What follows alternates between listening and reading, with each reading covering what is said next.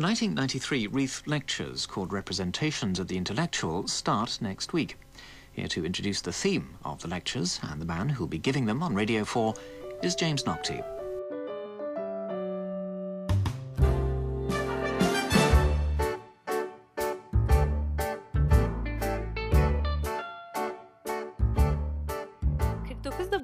Podcast özel yayınından herkese selamlar. Ben Necla Aydın. Bugün yanımda Erdem var. Erdem nasılsın? İyiyim. Sen nasılsın Necla? Ben de iyiyim. Bugünkü konumuz entelektüellik kavramı. Ben daha çok Edward Said'in Entelektüel isimli kitabı üzerine konuşmak istiyorum bugün. Ama bölüme başlamadan önce sana sorayım Erdem. Sence entelektüel ne demek? Yani bunun tanımını yap desem aklına ilk ne geliyor? Tam olarak entelektüel ne demek bilmiyorum. Tanımlamak biraz zor ama İlber Ortaylı'nın bir kitabında okuduğumda şöyle bir söz vardı. Üstüne vazife olmayan işlerle ilgilenen kişi tarzında bir şey diyordu. Bir kişinin mesela para kazandığı bir iş yerine diğer uğraştığı hobileri veya sanatla ilgilenmesi, film izlemeyi sevmesi, birçok işle uğraşması, farklı konularda bilgisinin olması, spor dallarında bilgisinin olması o kişiyi entelektüel bir kişi yapar diyebiliriz bence. Aslında entelektüelin birçok farklı tanımı var. Mesela Albert Camus entelektüel kişiyi tanımlarken kendi aklını izleyen kimse diyor. Bukowski entelektüel basit bir şeyi karmaşık söyleyebilen kişidir diyor. Ama hepsinin vardığı nokta benzer yerler diyebiliriz. Ben bugün daha çok Edward Said'den bahsetmek istiyorum Erdem. Kendisi Filistinli bir Hristiyan 15 yaşından sonra Amerika'ya göç ediyor ve orada İngiliz dili edebiyatı üzerine Harvard'da eğitimini tamamlıyor. Sonrasında Columbia Üniversitesi'nde hem eğitimler veriyor hem akademisyen olarak çalışıyor. Biz Edward Said'i daha çok Orientalizm isimli kitabıyla biliyoruz. Çünkü en çok ses getiren kitabı o. Orientalizm kitabında e, batıdaki yaygın olan küçümseyici doğu algısını anlatmış ve sömürgecilik ve aydınlanma çağı arasındaki ilişkiyi ele almış Said. Bu kültürel eleştiriyle oryantalizm kavramına yeni bir bakış açısı getirmiş ve bu yüzden de çok ses getirmiş bu kitap. Ama biz bugün oryantalizm kitabından çok entelektüel kitabı üzerinde konuşacağız. Kitapta ilk sorulan sorulardan birisi entelektüeller çok geniş bir kesim midir yoksa bir avuç insan mıdır? Sence hangisidir yani Erdem? Entelektüel deyince senin hakkında böyle küçük bir aydın sınıf mı canlanıyor yoksa herkes entelektüel olabilir gibi mi düşünüyorsun? Necla bence küçük ve aydın bir kesimden ya da burjuvazi bir kesimden daha çok entelektüel diye tanımladığımız insanlar toplumun içinde hep birlikte yaşadığımız, her gün gördüğümüz insanlardan oluşur. Yenilikçi olan, meraklı olan, bir şeyleri sorgulayan, yorum yapan insanları entelektüel olarak adlandırabiliriz. Yani bunun e, çok keskin bir kalıbı olmadığı için herkes entelektüel olabilir. Aydın bir sınıf küçük bir entelektüel takım olmak zorunda değil diyorsun. Edward Said de kitabında bu soruyu anlatırken başlıca iki kişinin fikrine yer vermiş. Birincisi Julian Benda, diğeri de Antonia Gramsci. Gramsci aslında biraz daha senin dediğin gibi yaklaşıyor konuya. Hapishane Defterleri isimli bir kitabı var ve o kitapta diyor ki bütün insanlar entelektüeldir ama toplumda herkes entelektüel işlevini gösteremez. Bu işlevi gösteren insanlar da yani entelektüel diyebileceğimiz insanlar da ikiye ayrılır diyor. Bir tanesi geleneksel entelektüellerdir, diğeri organik entelektüellerdir. Geleneksel entelektüellerden kastı aslında öğretmenler, idareciler, papazlar yani nesilden nesile zaten bu görevi üstlenmiş hatta para karşılığı bu işi yapan insanlara geleneksel entelektüel diyor Gramsci. O zaman Gramsci'nin bu geleneksel entelektüel tanımından yola çıkarsak sofistlere biraz benzetebiliriz. Aynen evet. Zaten görevi entel olmak olan insan grubuna geleneksel entelektüeller diyor Gramsci. Bir diğer tarafta da organik entelektüellerden bahsediyor. Bunlar da topluma aktif olarak katılanlar yani biraz önce aslında senin söylediğin gibi zihinleri değiştirip ortaya yenilik koyan herkesi organik entelektüel olarak adlandırabiliriz diyor. Mesela kapitalist bir girişimci de organik entelektüel sayılabilir. Çünkü yeni bir sanayi, yeni bir hukuk sisteminin bir parçası oluyor. Yeni bir kültürün, ekonomi düzeninin kapılarını açıyor. Ya da bu mantıkla düşünürsek günümüzdeki birçok akademisyen, hukukçu, medyacı, yazılımcı, sporcu yani içinde bulunduğu topluma yenilik sağlayan, fayda sağlayan herkese entelektüel sayabiliriz bu tanıma göre. Bir diğer uçta ise Said bize Benda örneğini veriyor. Benda, Gramsci'nin aksine aydın kesimi böyle süper yetenekli, ahlaki donanımları tavan yapmış bir avuç insan olarak görüyor. Yani aslında biraz önce senin söylediğine ters bir şey söylüyor ve Benda'ya göre entelektüeller bir ruhban sınıfını oluştururlar. Örnek olarak da özellikle İsa'nın ve Sokrates'in üzerinde çok duruyor. Burada Benda'nın ruhban sınıfı benzetmesi kullanması önemli. Çünkü bu seçkin aydın sınıfın gerçekten bir ruhban sınıfı gibi dünyevilikten uzak olması gerektiğini savunuyor. Hatta kadınları asla bu aydın kesimin içine dahil etmiyor. Baktığımızda gerçekten Gramsci ve Benda'yı iki ayrı uçta görüyoruz. Peki bu görüşler birbirinden bu kadar uzakken Edward Said bu ikisi hakkında nasıl düşünüyor? Hangi tarafı tutuyor? Edward Said birinin daha haklı olduğunu savunmuyor ya da ikisine de eleştirel yaklaşıyor diyemem biraz daha bunların ortak niteliklerine bakıyor. Aslında herkesin ortak olarak entelektüellere yüklediği bazı sıfatlar var ve bunların altını çiziyor kitapta Edward Said. Mesela entelektüelin evrenselliği ve bağımsızlığı üzerinde çok duruyor. Edward Said evrenselliği ve bağımsızlığı entelektüelin temel belirleyicileri olarak aldıktan sonra entelektüele yüklediği 3 tane nitelik var. Sürgün, marjinal ve yabancı. Aslında Said'in bu sıfatları kullanması tesadüf değil. Çünkü Edward Said kendisini de bir sürgün olarak tanımlıyor. 99 yılında Yersiz Yurtsuz isimli bir otobiyografi yayınlıyor ve orada da sürekli kendi hayatından bahsederken kendinden sürgün diye bahsediyor ve entelektüele de yüklediği sıfatların arasında sürgün var. Yani bir bakıma Edward Said kendini entelektüel bir kişi olarak tanımlamış diyebilir miyiz? Yani bence hepimiz Edward Said'i entelektüel bir kişi olarak tanımlarız. Ama evet öyle diyebiliriz. Kendinden yola çıkarak da anlatmış diyebiliriz. Şimdi bu entelektüelin temel belirleyicilerinden bahsederken ilk olarak entelektüel kişinin evrenselliğini konu alıyor. Burada evrensellik deyince senin aklına ne geliyor mesela? Entelektüel bir kişi neden evrensel olmalıdır? Entelektüel kişinin evrenselliği dediğimiz zaman benim ilk aklıma gelen bu kişinin fikirlerinin ne kadar kapsayıcı olduğu oluyor. Evet ne kadar genel geçer bir tutum sergilediği diyebiliriz aslında. Said'e göre de entelektüel kişinin evrenselliği herhangi bir ideoloji ya da herhangi bir millete bağımlı kalmadan bütün zamanları, bütün insanları ve hatta bütün sınıfları kuşatacak bir fikir ortaya koyması. Herhangi bir ideolojinin taraftarı olmamalıdır mesela. Bir dini, bir milletin görüşlerini savunmamalıdır. Hepsinin üstünde genel geçer ve daha evrensel bir tutum sergilemelidir.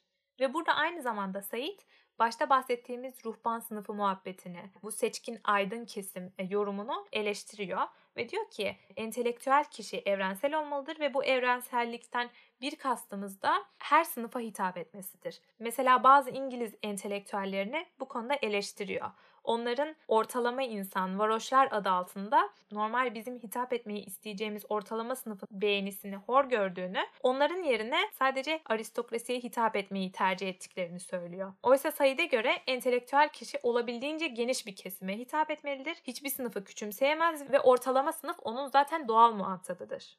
Bizim toplumumuzda da mesela İlber Ortaylı, Celal Şengör özellikle Celal Şengör mesela entelektüel olduğu için elitist olarak insanlar tarafından ötekileştiriliyor ve kendisi bu durumdan çok rahatsız oluyor. Evet sürekli bundan bir şikayet ediyor değil mi? Bu elitist suçlamalarından ve burjuvazi suçlamalarından. Hani demiştim ya Said başta 3 tane sıfat yüklüyor entelektüel kişiye. Sürgün, marjinal ve yabancı. O marjinal ve yabancıyı aslında entelektüel kişinin bağımsızlığı çatısı altında toplayabiliriz. Şimdi önce sana sorayım Erdem. Sence entelektüel kişinin bağımsız olmasından kastedilen ne olabilir? Bence entelektüel kişinin bağımsız olması demek kendine ait fikirleri olması ve bunu özgürce savunabilmesidir.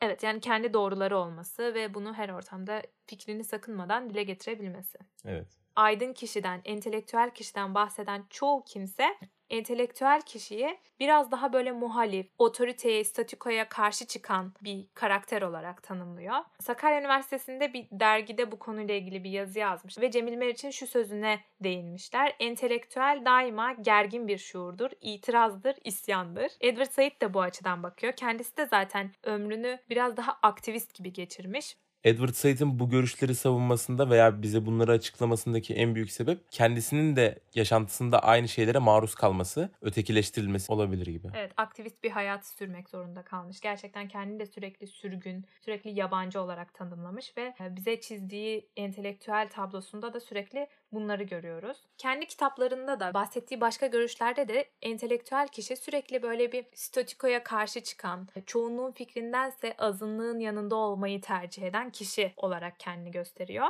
Bu yüzden Edward Said çok fazla eleştiriye maruz kalmış. Özellikle BBC'nin Red Lectures yayınları varmış. Bunlar radyo yayınları ve şu anda da YouTube'da var. İsteyenler girip dinleyebilirler. Kitapta bahsettiklerinin hepsini orada da anlatıyor.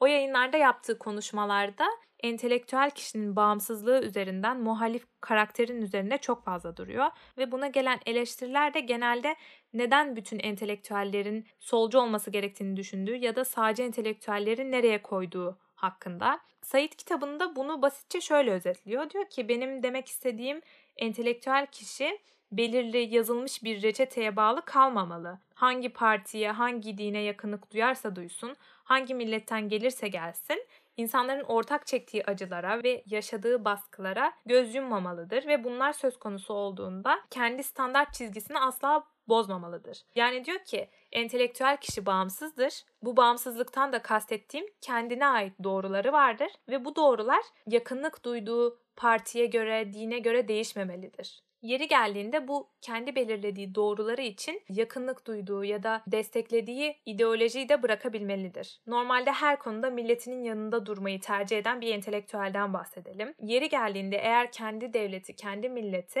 daha zayıf bir millet üzerinde ezici bir üstünlük kurmaya çalışıyorsa burada o entelektüel kendi devletine de karşı çıkmalıdır. Çünkü temel doğrularına daha fazla önem vermelidir. Yani savunduğu toplumun veya görüşün aslında içinde bulunduğu yargıları değiştirmesi, ahlaki yargıları değiştirmemesi gerektiğini düşünüyor. Evet, aynen öyle söylüyor. Dediğin gibi birden çok kişi entelektüelin tanımını benzer şekilde doğruların arkasında duran, görüşünden vazgeçmeyen, doğruyu düzgün bir şekilde ayırt edebilen bir kişi olarak tanımlıyor. Fakat geçmişte kaç kişi bu şekilde görüşünün arkasında sonuna kadar durabildi veya başkaları tarafından görüşü engellenmeye çalıştığında ne kadar direnebildi? Tarihte baktığımız zaman gerçekten doğrularını savunan ve bunun arkasında duran kişilerin azınlık olduğunu görüyoruz. Fakat bizim aklımızda kalan isimler hep bu azınlıklar olmuştur zaten az kişiler. Evet yani senin de söylediğin gibi aslında bunları e, teorikte konuşmak biraz pratikte uygulamaktan daha kolay. Özellikle bu entelektüelin bağımsızlığı kısmı böyle. Hepimiz bir şekilde toplumun içinde kendimizi kaybedip bu entelektüelin marjinal ve yabancı sıfatlarından uzaklaşıyoruz bence. Yani bu evrensellik ve bağımsızlık dediğimiz Said'in aslında entelektüel kişiye temelde yüklediği sıfatları güzel özetleyebilmişizdir. Şimdi bu entelektüellik kavramının ne olduğunu çok sorguladık ama birazcık ben şeyden de bahsetmek istiyorum. Yani nasıl entelektüel olunur? Biz kime entelektüel diyoruz gerçekten günümüzde? Benim entelektüel olmak için ne gibi çabalar sarf etmem gerekir? Aslına bakarsan Necla, entelektüel olmak için bir çaba sarf etmek gerektiğini düşünüyorsan entelektüel olamazsın. ya evet entelektüel olunmaz entelektüel doğulur mu diyorsun? Hayır entelektüel olmaz entelektüel doğulur demeyelim de entelektüel olduğunu başkalarından duymak istiyorsan o zaman entelektüel olamazsın diyelim bence biz buna. Evet aslında buna ben de çok katılıyorum. Yani entelektüel olmak için yapılan faaliyetler insan üstünde çok emanet duruyor. Biraz evet. daha bunun kendi kendine organik şekilde evet. şekillenmesi gerekiyor. Eğer ben gerçekten zaten meraklı biriysem, sorgulayan biriysem, kendi alanımın dışındaki şeyleri de ilgi duyup okuyan biriysem kendi kendime zaten entelektüel oluyorum. Ama sırf entelektüel olabilmek için bir şeyleri okuyup biriktiriyorsam o zaten benim üstümde çok emanet duruyor. Bence bu konuda çok haklısın. Özellikle modern bir dünyada insan ne kadar meraklı da olsa entelektüel olmasının önünde duran çok fazla engel var. Edward Said kitabında buna da yer vermiş ve bunların en önemlisini profesyonellik olarak yorumlamış. Bunu okuduğumda ben çok etkilenmiştim. Çünkü bir insan işinde ne kadar profesyonelleşirse diğer ilgi duyduğu alanlara karşı olan yetilerini daha fazla yitiriyor gibi. Said bu konuda diyor ki günümüzde insan eğitim sistemi içinde ne kadar yukarılara çıkarsa o kadar dar bir bilgi alanıyla sınırlandırılıyor. Yani bunu nasıl anlatabiliriz? Şu anda modern dünyada elimizde bir bilgiyi elde edebilmek için sahip olduğumuz şeyler bir emek çalışmalarımız, iki zaman diyebiliriz.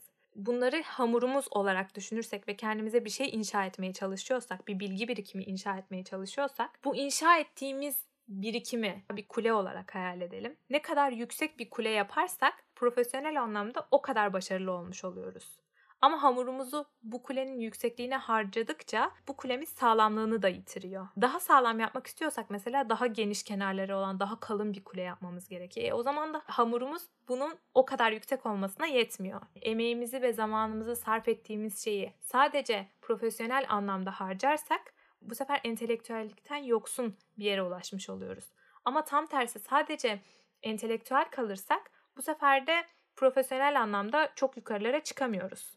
Yani bu ikisi arasındaki dengeyi kurmak bu hayatta önemli zaten. Yani ben öyle düşünüyorum. Said'in de bu bağlamda entelektüel kalabilmek için sunduğu bir çözüm var. Buna amatörizm diyor. Bu tutumla aslında şunu kastediyor Said. Çok basitçe amatör kalmayı öneriyor. Diyor ki sen illaki bir alanda tek olacağım diye uğraşırsan, bir alanda en zirveye çıkacağım diye ulaşırsan o zirvedeki tek kişi olabilirsin ama entelektüellik özelliklerinden bir şeyler kaybedersin. Mesela gerçekten şu anda günümüzde bilimsel bir çalışma yapmak istiyorsan, Nobel ödülü almak istiyorsan, akademik anlamda ses getiren bir makale yayınlamak istiyorsan, bu makaleyi çok çok spesifik bir alanda yapman gerekir. Değil mi? Yani Evet.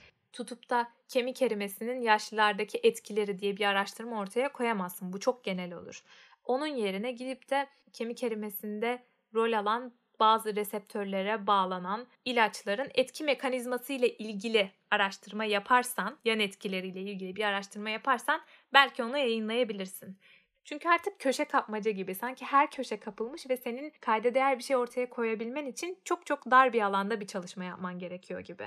Gerçekten iyi bir yere geleceksin. Yani özelleştikçe özelleşeceksin. Bu özelleştirmek de senden genel anlamda bir şeyler kaybettirecek. Hobilerine vakit ayıramayacaksın, ilgi duyduğun sanat dallarına vakit ayıramayacaksın. Yani doğru dürüst müzik dinleyemeyeceksin, kitap okuyamayacaksın, doğru dürüst film izleyemeyeceksin. Tabii ki bir insanın ömrü her şeyi bilmeye yetmeyecek. Ya dar alanda çok yükseğe çıkacaksın ya da geniş kalıp amatör kalacaksın Said'in dediği gibi. Yani gerçekten şu anda bir insanın hem müzikte hem sanatta hem bilimde uzman olması hem sinemada uzman olması imkansız. O yüzden bana kalırsa yapabileceğimiz en doğru şey bir alanda uzman olup diğer alanlarda da ilgimiz doğrultusunda ve vaktimiz çabamız yettiğince bilgi sahibi olmaya çalışmak olabilir. Ama senin de söylediğin gibi bunu bir görev olarak değil, gerçekten istiyorsak yaptığımız sürece bu değerlidir. Said'in fikrini bence çok net açıkladın bize Necla. Bence bu konuda en önemli nokta entelektüel olmaya çalışırken bu yola kapılmamak ve gerçekten istediğimiz için bazı şeyleri yapmak, bir şeylerle uğraşmak. Bunu bir şov, etiket yarışına dönüştürmemek. Umarım bu noktayı da iyi açıklayabilmişizdir. Bu yayında beni dinlediğin için ve bana eşlik ettiğin için çok teşekkür ederim. Sana ve dinleyicilere ben teşekkür ederim. O zaman sonraki bölümlerde görüşmek üzere. Herkese iyi günler. iyi